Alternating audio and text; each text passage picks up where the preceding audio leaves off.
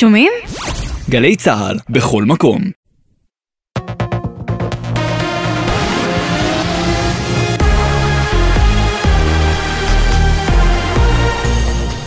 גלי צה"ל השעה שבע, שלום רב באולפן עדן לוי עם מה שקורה עכשיו.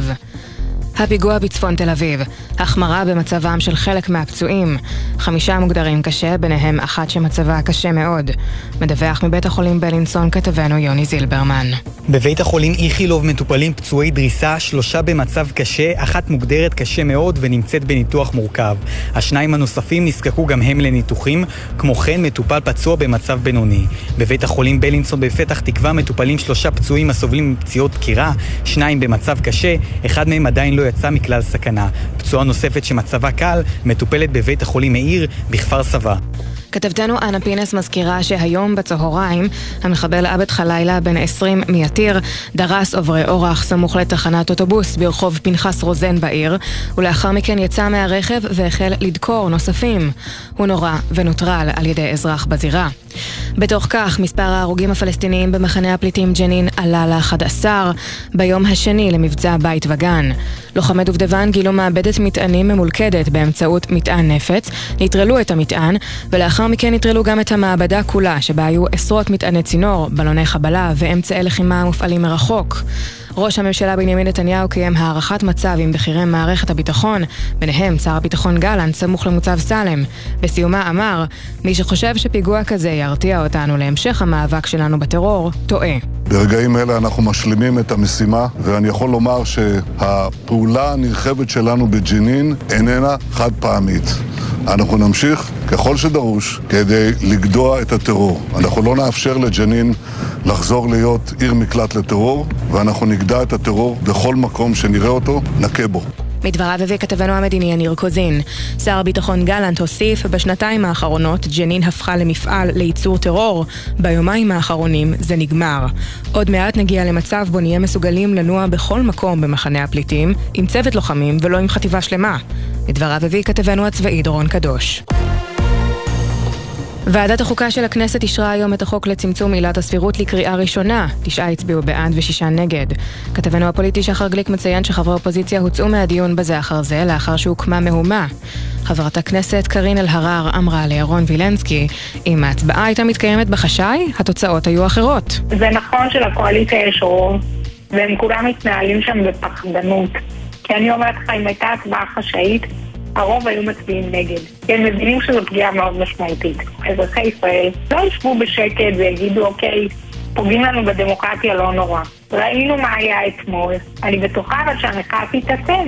חבר הכנסת צביקה פוגל מעוצמה יהודית הגיב על דבריה ביומן הערב. זה רק השלב הראשון בחקיקה. ואני חושב שיגיעו בסופו של דבר למקום שבו יגדירו גם מה זה עילת סבירות קיצונית, במיוחד כזו שעלולה לפגוע בזכויות הפרט, זה גם אני לא הייתי רוצה שיקרה. זאת רק הכנה לקריאה ראשונה. מזג האוויר, עלייה קלה נוספת בטמפרטורות שתהיינה מעט גבוהות מהרגיל לעונה. לדיווחים נוספים חפשו את גלי צה"ל בטוויטר. אלה החדשות, בצוות איתן מוזס, מאיה שוקן ויואב מנדלוביץ'.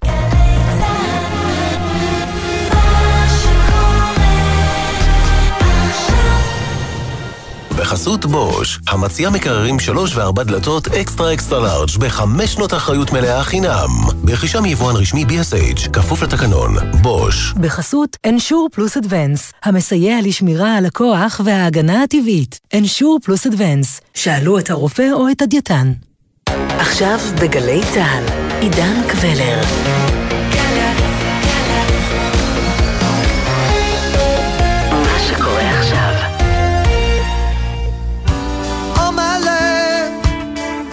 Watching America all my life. There's panic in America. Oh, oh, oh, oh. Trouble in America. שלום לכם, מאולפן 360 ביום, ההסכת היומי של גלי צה"ל. הזדמנות מעולה לחצי שעה של העמקה, כל יום בנושא אחד שמעסיק את כולנו מ-360 מעלות. והפעם, יום הולדתה של ידידתנו הגדולה והטובה בעולם, ארצות הברית של אמריקה. נדמה שגם במונחי מדינות היא לא כל כך צעירה, בת 247, והאתגרים שלפתחה קשים הם, ופתרונם לא נראה באופק. ועדיין, אנחנו רוצים לציין את היום הזה ולהבין לאן היא הולכת אמריקה, והאם בכלל החלום האמריקאי עדיין קיים. ותחילה במשפט אחד, דוקטור יעל שטרנהל, ראש התוכנית ללימודים אמריקניים באוניברסיטת תל אביב, באיזה מצב מגיעה ארצות הברית ליום הולדתה ה-247? שסועה אה, ומפולגת והולכת ומתפצלת לה לפחות מבחינה תרבותית אה, לשתי מדינות שונות. עוד נשוב לרעיון שתי המדינות, אבל עידו דמבין, מנכ"ל מכון מולד, ועורך מר דמבין הולך לוושינגטון, הבלוג שלך. אתה רואה את הדברים בצורה דומה, הכותרת שלך? שסעים ומחלוקות. וארצות הברית כבר הרבה מאוד שנים יש שם ויכוח או דיון על האם מדובר במדינה אחת, האם החופים ואמריקה שבין לבין זו אותה מדינה, האם המדינות הכחולות והאדומות הן באמת אותה מדינה, האם, אתה יודע, כשאנשים נוסעים לניו יורק אז תמיד אנחנו אומרים לו שהוא לא נוסע לאמריקה האמיתית, אמריקה האמיתית זה קנטקי ואוקלהומה וטקסס וכאלה. והאמת היא שיש בזה משהו, כלומר, ארצות הברית באמת מאוד מאוד מאוד מחולקת, עם כל העובדה שהיא חזקה והיא עדיין המעצמה המובילה בעולם וכן הלאה, בינה לבין עצמה היא עוד לא החליטה כל כך מה היא רוצה להיות. פרופסור מייקל הריס, פרופסור למדיניות ציבורית, רקטור אוניברסיטת טנסי בנשוויל, אתה מתחבר לדברים האלה ובהרחבה. ארה"ב אה, מבחינה חברתית זו חברה מאוד מאוד אה, מפולגת, דמוקרטים ורפובליקנים, אבל בתוכם הרבה שבטים שונים, ככה שהדיאלוג פה הוא לא טוב אה, במיוחד. מבחינה כלכלית, נכון הברית השתלטה על האינפלציה ויהיה גידול כלכלי, אבל יש פה קשיים כלכליים רציניים שאנחנו יכולים לדבר עליהם. מבחינה חברתית, uh, שסעים uh, די כבדים, ומבחינת המעמד של ארה"ב בעולם, בהחלט ייתכן שאנחנו רואים שקיעה במידה מסוימת בהגמוניה שלה, למרות שכמובן אה, זה לא מתחרה במה שקורה לרוסיה. ככה שגם במישור הכלכלי, גם במישור החברתי והפוליטי, עידן ארצות הברית היא בפרשת דרכים. נכון שארצות הברית היא עדיין הדמוקרטיה הכי חזקה אה, בעולם, היא עדיין אה, מבחינה כלכלית מדינה מאוד מאוד חזקה, יש פה הרבה מאוד דברים שהם דברים ש... שארה"ב היא מובילה בהם בעולם, אבל זה לא אומר שאין פה להערכתי דאגות כבדות מאוד לגבי העתיד ולאן זה הולך אחרי 247. שנים של ארצות הברית. דוקטור שטרנהל, דיברת על שתי מדינות, אפרופו הפילוג בארצות הברית. מהי הראשונה? בוא נאמר ש, שמדינה אחת היא מדינה שמנסה להמציא את עצמה מחדש אה, למאה ה-21. אה, מדינה שדוגלת בחירויות פרט, מדינה שמרחיבה זכויות של מיעוטים, מדינה שמחויבת לתיקון עוולות העבר. אה, צריך לומר, גם שם, במדינות האלה, במסצ'וסטס, בקליפורניה, בניו יורק של ארצות הברית, כן, אני בכוונה משתמשת אה, בה"א הידיעה, כי יש גם אה, מעוזים של ליברליות ושל מבט מופנה קדימה, גם בתוך המדינות הפחות ליברליות, למשל העיר אוסטין במדינת טקסס, וכהנה וכהנה. צריך לומר שגם שם לא, זה לא גן עדן, כן, זאת מדינה שעדיין יש בה חוסר שוויון כלכלי, גם במעוזים הכי ליברליים ונאורים של החיים שם מאוד מורכבים אה, עבור מי שלא יכול להרשות לעצמו את אורח החיים האמריקאי, עבור מי שלא מקבל את ההזדמנויות שמאפשרות אה, להגיע ליציבות ולשגשוג. אז אני לא רוצה לצייר כאן תמונה ורודה מדי, אבל בהחלט אנחנו רואים במדינה הראשונה, בוא נאמר ככה, ניסיון להתמודד עם העבר, ניסיון להשתפר, ניסיון לתקן, ניסיון ליצור אמריקה טובה יותר וצודקת יותר. ומה קורה מנגד? גל ממש של מהפכנות שמרנית, אה, שהיום המעוז הכי משמעותי שלה הוא בית המשפט העליון, שמאפשר לגלגל אחורה את ההישגים של עשרות השנים האחרונות, אם זה ביטול הזכות החוקתית אה, של אישה לבצע הפלה, אם זה אה, ביטול האפשרות של מוסדות להשכלה גבוהה לבצע העדפה מתקנת, או לקחת בחשבון גזע כקריטריון לקבלה של מועמדים ומועמדות ללימודים. אם זה נסיגה אה, בזכויות של אה, להט"בים, בקיצור, יש לנו אה, שתי מדינות שחולקות פחות ופחות ערכים, ועומדות ומסתכלות אחת על השנייה בהרבה מאוד אנטגוניזם. עידו דמבין, ואם יש עוד צורך לחדד עד כמה השסע עמוק, לך יש כנראה בדיוק את הדימוי. בדיוק כשחשבת שבטח יש נושא אחד שהם מסכימים עליו, גם עליו הם לא מסכימים. אני מרגיש שבשלב הזה, אם היית שואל את אה, ביידן וטראמפ על איזה ברבן הם מסכימים, אחד מהם היה אומר שהוא לא מעדיף ברבן בכלל. רק בשביל להגיד את זה. אבל ברצינות, נכון להיום זה נראה די ברור במובן הזה שהמועמד הדמוקרטי, אלא אם כן יקרה לו משהו בריאותי, זה ג'ו ביידן, הנשיא המכהן, שכבר הודיע שהוא ירוץ שוב, וקוראי התיגר עליו במפלגה שלו הם, עם כל הכבוד, לא מועמדים רציניים, באמת. ובצד השני זה, יש אמנם המון המון מועמדים, אני חושב שיש 13 או 15 פעם אחרונה שספרתי, אבל שני המועמדים הבולטים זה הנשיא לשעבר טראמפ, ומושל פלורידה רון דה סנטיס, ושניהם מציעים חזון שהוא די דומה, הם בעצם מתחרים במי מאגף אחד את השני מימין יותר, זאת אומרת אין שם איזה, אין איזה דילמה של ממלכתיות או קריאה לאחדות וכולי, יש את החזון של ביידן שהוא ליברלי מתון נקרא לזה, ויש את החזון של טראמפ או דה סנטיס שהוא מאוד שמרני, הוא, או שזה make America great again again אם אתה טראמפ, או אם אתה דה סנטיס מלחמה במה שנקרא progress, ה-woke אה, וכולי. אז אתה יודע, שלשום עלה סרטון חדש של דה סנטיס, שוב זה בתוך הקונטקסט של הרפובליקנים בלבד, שמנסה לתקוף את טראמפ, ואיך הוא תוקף את טראמפ? עם סרטון שבו טראמפ כביכול אומר שהוא יגן על זכויות של אה, להט"בים, בעוד שדה סנטיס עם כל מיני מימים כאלה אינטרנטיים של איך נראה גבר אה, גברי במיוחד, חוגג את התפיסה הציבורית שלו כאיום על טרנסים ועל, ועל gays וכולי בארצות הברית.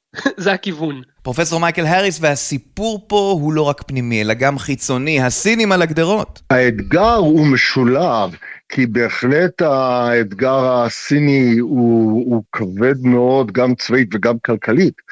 אבל מה שארצות הברית הייתה יכולה להתמודד עם זה בקלות הרבה יותר רבה, אם היא לא הייתה מפולגת בצורה כל כך קשה. גם uh, מבחינה פוליטית, אנחנו הרי יודעים, השסע הזה בין הדמוקרטים לרפובליקנים הוא אולי אחד הכי כבדים שהיו פה אי פעם. Uh, רק uh, לא להיכנס לתכנים של היום, אנחנו יודעים שבית המשפט העליון שינה החלטות קרדינליות של ביידון בגלל השסעים האלה. ובנוסף לזה, יש פה שאלה קשה מאוד של הזהות של הברית אחרי אה, כל כך הרבה שנים. הברית עם 300 ומשהו מיליון איש, היא מדינה הרבה הרבה יותר אה, מגוונת ממה שהייתה פעם, והיכולת בין הקבוצות השונות לדבר אה, ירדה. גם מבחינה כלכלית היא לא מה שהיא הייתה. ככה שהשילוב של המצב הפנימי שהוא לא הטוב ביותר יחד עם האיום הסיני הוא בהחלט איום אה, לא קיומי, אבל איום לטווח ארוך שארה"ב תצטרך להתעורר בזמן. עוד מעט נעסוק בהרחבה בנושא הכלכלי, אבל דוקטור יעל שטרנהל, יש ספק בכלל שארצות הברית היא עדיין המעצמה בה"א הידיעה, או שהדברים די ברורים? היא עדיין בסופו של דבר המעצמה הכי חזקה בעולם, יש לה צבא שאין דומה לו מבחינת היכולות שלו, החדשנות שלו. ראינו עכשיו את הצבא הרוסי בפעולה בשנה האחרונה במלחמה באוקראינה, ואנחנו מבינים שזה צבא שהוא בשום צורה לא מאץ' לצבא האמריקאי. אה, קשה לי לדבר על הצבא הסיני כי זה לא נושא שאני מבינה בו, אבל אין ספק שארצות הברית היום משמרת על הרבה מהמעמד שהיא נהנית ממנו מאז מלחמת העולם השנייה. אבל צריך לומר שגם ברור שהמציאות היא מאוד מאוד דינמית, ושארצות הברית היא כבר לא השחקן היחיד בעיר, ושסין היא אכן איום מאוד משמעותי על ההגמוניה האמריקאית, ואיום שברור, שברור היה כל הזמן שזה לא יחזיק מעמד לאורך זמן. ארצות הברית הייתה בסך הכל אה, בתחרות ובעימות על אש קטנה שקראנו לו המלחמה הקרה אה, מול ברית המועצות במשך עשרות שנים, נהנתה מאיזה רגע קצר של תהילת עולם בתור המנצחת במלחמה הזו והמעצמה אה, הגלובלית היחידה, ו- וזהו, ועם הזמן כמובן עלה כוח נגדי, אין בזה שום דבר מפתיע אה, או מוזר, זה תמיד היה ברור שברגע שסין תעבור אה, מודרניזציה ותמנף את הפוטנציאל הכלכלי העצום שלה, היא תהפוך להיות כוח גלובלי אדיר, וזה בדיוק מה שקרה. עידו דמבין, ומה שמטריד את האזרח האמריקאי בסופו של יום, יום העצמאות, ואולי אף בראשיתו, זה הכסף. טוב, אתה מכיר את הביטוי הזה, It's the economy stupid, נכון? של ביל קלינטון. נראה לי שזה בסוף מה שמעניין את רוב האמריקאים, זאת אומרת, לטוב ולרע, רוב האמריקאים מתעניינים בשורה התחתונה הכלכלית שלהם, ולכן, כמו בשנים הקודמות, יש לנו ויכוח מאוד מאוד ער על מה טוב יותר. ויש מי שטוען, למשל, שהכסף הברית מוציאה בעולם, באוקראינה או במקומות אחרים, הוא כסף שצריך היה להיות מכוון כלפי פנים. אמ, יש מי שקורא, אפילו במפלגה הדמוקרטית, להפסיק, לשים פחות כסף בחו"ל, בשתי המפלגות למען האמת יש את זה, ראינו גם את אה, רון דה סנטיס שרוצה להיות הנשיא הרפובליקני הבא, אומר שאוקראינה ורוסיה זה סכסוך טריטוריאלי שהאמריקאים לא צריכים להתערב בו, וגם את רוברט קנדי, הבן של בובי והמועמד היחיד שקורא תיגר על ביידן במפלגה הדמוקרטית, שגם אומר שצריך להפסיק להשקיע כסף בחו"ל ולהתרכז במה שקורה בפנים. אבל אני נוטה לחשוב שזה עדיין קולות מינוריים, למרות שהאמריקאים באמת מתעניינים מאוד בסוף בכלכלה, אני לא חושב שרוב האמריקאים מוכנים לסגת למין, אתה יודע, להתעסק אך ורק בעצמם מבלי להיות השוטר של העולם. יש בזה איזושהי יוקרה, איזשהו כוח שמגיע עם זה, שלא כל כך מהר רוצים לוותר עליו. פרופסור מייקל הריס, תמחיש לנו עד כמה הכלכלה במצב בעייתי, לפחות עבור האזרח. יוקר המחיה בקנייה בחנויות ובדברים כאלה, הוא גם כן עלה בצורה... הניכרת, רכבים עלו. התלות הזאת ביבוא וה-supply chain של המון המון אה, רכיבים ודברים מחו"ל גרם פה להתייקרויות רבות מאוד. זה א' מאוד מאוד מטריד. דבר שני מטריד את האזרח האמריקאי פה, ולא משנה אם הוא, הוא מהצד השמאלי של המפה או מהצד הימני של המפה, זה המפה הפוליטית בכללה. אם אנחנו מסתכלים למה שכבר מתחיל מרוץ אה, לנשיאות, אז זה לא משנה מאיזה מפלגה אתה, אתה לא בדיוק מתלהב מביידן בתור אה, נשיא, ואתה לא מתלהב בדיוק מטראמפ בתור אה, מי שיתחרה בו על הנשיאות. זה לא התקופה של תחילת שנות ה-60, שהיה את JFK, והיה התלהבות, והיה אמונה בממשלה, וביכולת של ממשלה לשנות דברים, ולהילחם בעוני, ולעשות דברים פה. יש פה סקפטיסיזם גדול מאוד מממשלה, ואולי גם בדומה לארץ, הבסיס לדמוקרטיה זה אמונה באינסטיטושנס, במוסדות השלטון, ובהחלט מטריד את האזרחים פה. הגידול בוושינגטון די.סי, ההתעשרות בוושינגטון די.סי והריחוק אולי של האזרחים לא בדיוק בדומה לפריפריה בארץ, אבל ריחוק של מי שלא נמצא בקרבת אה, וושינגטון. והדבר השלישי והאחרון שאני אגיד שמדאיג את אה, אזרחי ארה"ב, תמיד הברית החלום האמריקאי היה מבוסס על זה שמחר לילדים הדין שלי יהיה הרבה יותר טוב ממה שהיום, וככה זה נמשך 247 שנה. יש איזשהו כרסום בזה. אז דוקטור יעל שטרן, על החלום הזה שהחל עם אבות האומה, אחרי כל מה ששמענו כאן, מה עם אבות האומה? הם מתהפכים בקברם? אבות האומה דמיינו משהו שמלכתחילה היה בלתי אפשרי, ומלכתחילה היה איזה יציר של הדמיון שלהם, ולכן אני מניחה שהם היו די מזדעזעים אם הם היו רואים את אמריקה של היום, אבל מצד שני אני מניחה שהם גם היו די מזדעזעים מלראות את אמריקה של מלחמת האזרחים, צריך לומר. בסופו של דבר העובדה שאמריקה עומדת יציבה אה, כבר כמעט 250 שנה, אה, זה באמת, אה, צריך לומר, סוג של נס, כן? אני לגמרי לא רוצה לקחת מזה. העובדה שזאת לא המדינה שדמיינו, היא לא בהכרח דבר רע. אה, זאת מדינה שבסופו של דבר הצליחה אה, לעמוד במשברים אדירים, כולל מלחמת אזרחים שנהרגו בה 750 אלף איש. אז אה, אני לא רוצה לקחת שום דבר מה... באמת, ההישג הדמוקרטי האדיר הזה של מדינה שבה עם מושל בעצמו, בלי הפיכות צבאיות, בלי בחירות שמתבטלות, עם שיטה פוליטית מורכבת, אבל עם יכולת שרידה מדהימה.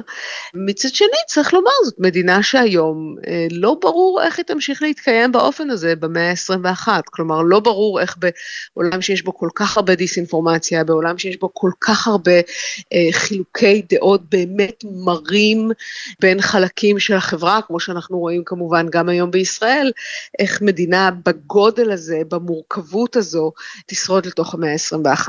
וזה נשמע מאוד מאוד מפחיד, עידו דמבין. המקום הזה, שהיה אמור להיות גן עדן, נמצא ממש על הקצה. אני מרגיש לי שהחיים בארצות הברית הם באופן עקבי בשנים האחרונות על חבית אבק שרפה. אמ, גם כשאני גרתי שם וגם היום שאני רק עוקב מישראל. אבל אתה יודע, יש דרך לבדוק את זה, יש אה, סקר שהאמריקאים מאוד אוהבים לעשות, ששואל האם המדינה נמצאת אה, בכיוון הנכון או בכיוון הלא נכון. ואולי לא תופתע לגלות שרוב הנשאלים חושבים נכון להיום שהמדינה בכיוון הלא נכון. זה לא דווקא אומר שתוצאות הבחירות הבאות ידועות מראש, אבל זה קשור יותר לזהות של המועמדים, המפלגות, המבנה הפוליטי. אבל בפועל אפשר להגיד במידה רבה של ביטחון שרוב האמריקאים לא לגמרי מרוצים ממה שיש להם. השאלה היא, כשאתה שובר את זה ל... למה הם לא מרוצים, איזו תשובה אתה מקבל. והתשובות האלה מחזירות אותנו בסוף, כמו שכבר אמרנו, למדינה מאוד מחולקת איפשהו באמצע. פרופסור מייקל האריס, ואם דיברנו קודם עם דוקטור יעל שטרנהל על מעמדה הצבאי של ארצות הברית כמה ששומר אותה כמעצמה הגדולה בעולם, לך יש עוד זווית אופטימית להישארותה ככזו.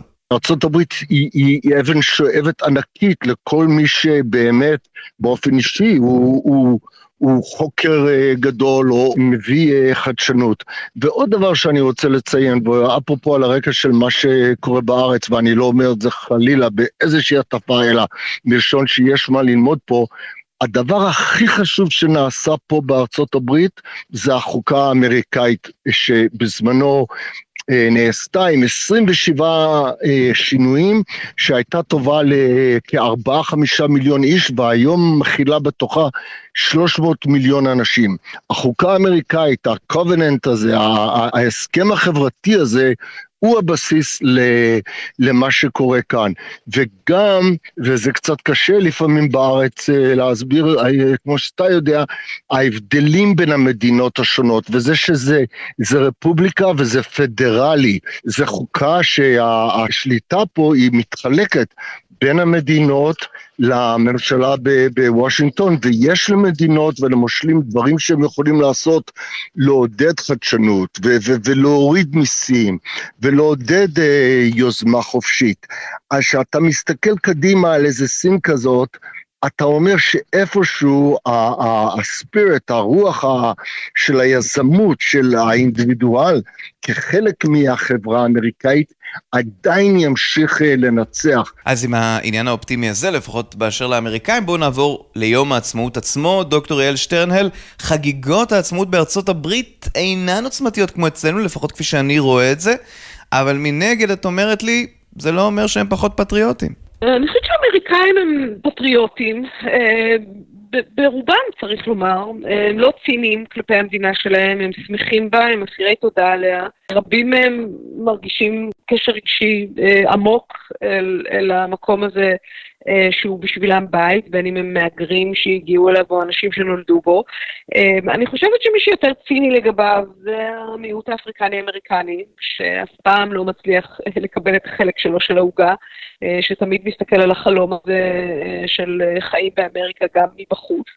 אבל כן, יש זיקוקים ויש ברבקיו ויש דגלים בכל מקום ויש שופינג ויש את כל מה שאנחנו מכירים אפילו מתרבות פופולרית על יום העצמאות האמריקאי, ואני מודה שאני זוכרת אותו די, די בחיבה.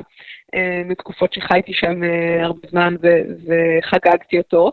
אני חושבת שאצל אמריקאים, גם, גם ציבור שהוא מאוד אה, פרוגרסיבי, שהוא מאוד ביקורתי כלפי אמריקה, יש לו גם את האלמנט הזה של, של חיבה עמוקה ואיזו תחושה של אסירות תודה על המדינה הזאת, ובהחלט מרשים את זה שם בחגיגות 4 ביולי. אבל, פרופסור מייקל האריס, נדמה שההבדל בציון יום העצמאות בארצות הברית לבין מה שאנחנו מכירים מישראל, זה הקשר החד והמעבר מיום הזיכרון, שאצלנו הוא יום אבל, מה שבארצות הברית הוא יותר יום ל... אתם יודעים, קניות ומבצעים, לבין יום העצמאות. מעבר שאצלנו הוא מעבר של שניות בודדות שמעצים את הרגשות. בארץ יש לנו את הדבר הזה שזה יום הזיכרון, ומיד אה, בסיום יום הזיכרון זה, זה יום העצמאות, והקשר הזה בין העצמאות לבין האלה שנפלו בשבילו ונלחמו, כאן הוא לא כזה. יש בארצות הברית ממוריאל דיי, שהוא לא צמוד ליום העצמאות. יום העצמאות הוא נחגג פה הרבה. עכשיו, אתה רואה מעט אה, סממנים, אם אתה רוצה, של כן אמונה בדברים כאלה. אתה רואה הרבה דגלים אמריקאים, אתה רואה הרבה זיקוקים, אבל באופן כללי זה יותר אה, חגיגה כזאת, בעיקר זיקוקים, אה, ברביקיואינג, אה, פיקניקים, רק, רק המחשבה, רק המלחמה הגדולה האחרונה של ארה"ב בווייטנאם, נהרגו 48 אלף חיילים, אתה לא, לא, לא תרגיש את זה בזה, וזה אחד מהדברים שארה"ב מתמודדת איתם, כי האוכלוסייה היא גדולה מאוד היום, זה 300 מיליון איש, ואתה, והשאלה מה, מה משותף, ובייחוד כמו שאמרנו קודם, השינויים הדמוגרפיים. עידו דמבין, לסיום, אתה בכלל מספר לנו שאנחנו חוגגים בתאריך הלא נכון. אפשר לספר שבעצם יום העצמאות נחגג ב-4 ביולי, אבל כל החגיגה הייתה אמורה להתחיל ב-2 ביולי. ויש איזשהו ציטוט מפורסם של אחד האבות המייסדים, ג'ון אדמס נדמה לי, שאומר, השני ביולי ייזכר לנצח כיום הנפלא ביותר בהיסטוריה האנושית. כי בשני ביולי הקונגרס קיבל את ההחלטה להצביע על אימוץ הכרזת העצמאות. זה פשוט לקח לו עוד יומיים לעשות את זה.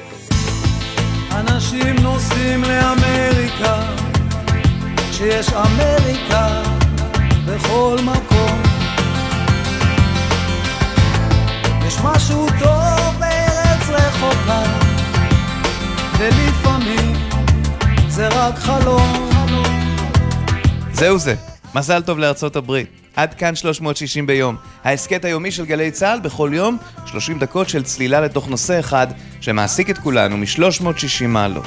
אנחנו זמינים לכם ביישומון גלי צה"ל ובכל יישומוני ההסכתים המובילים.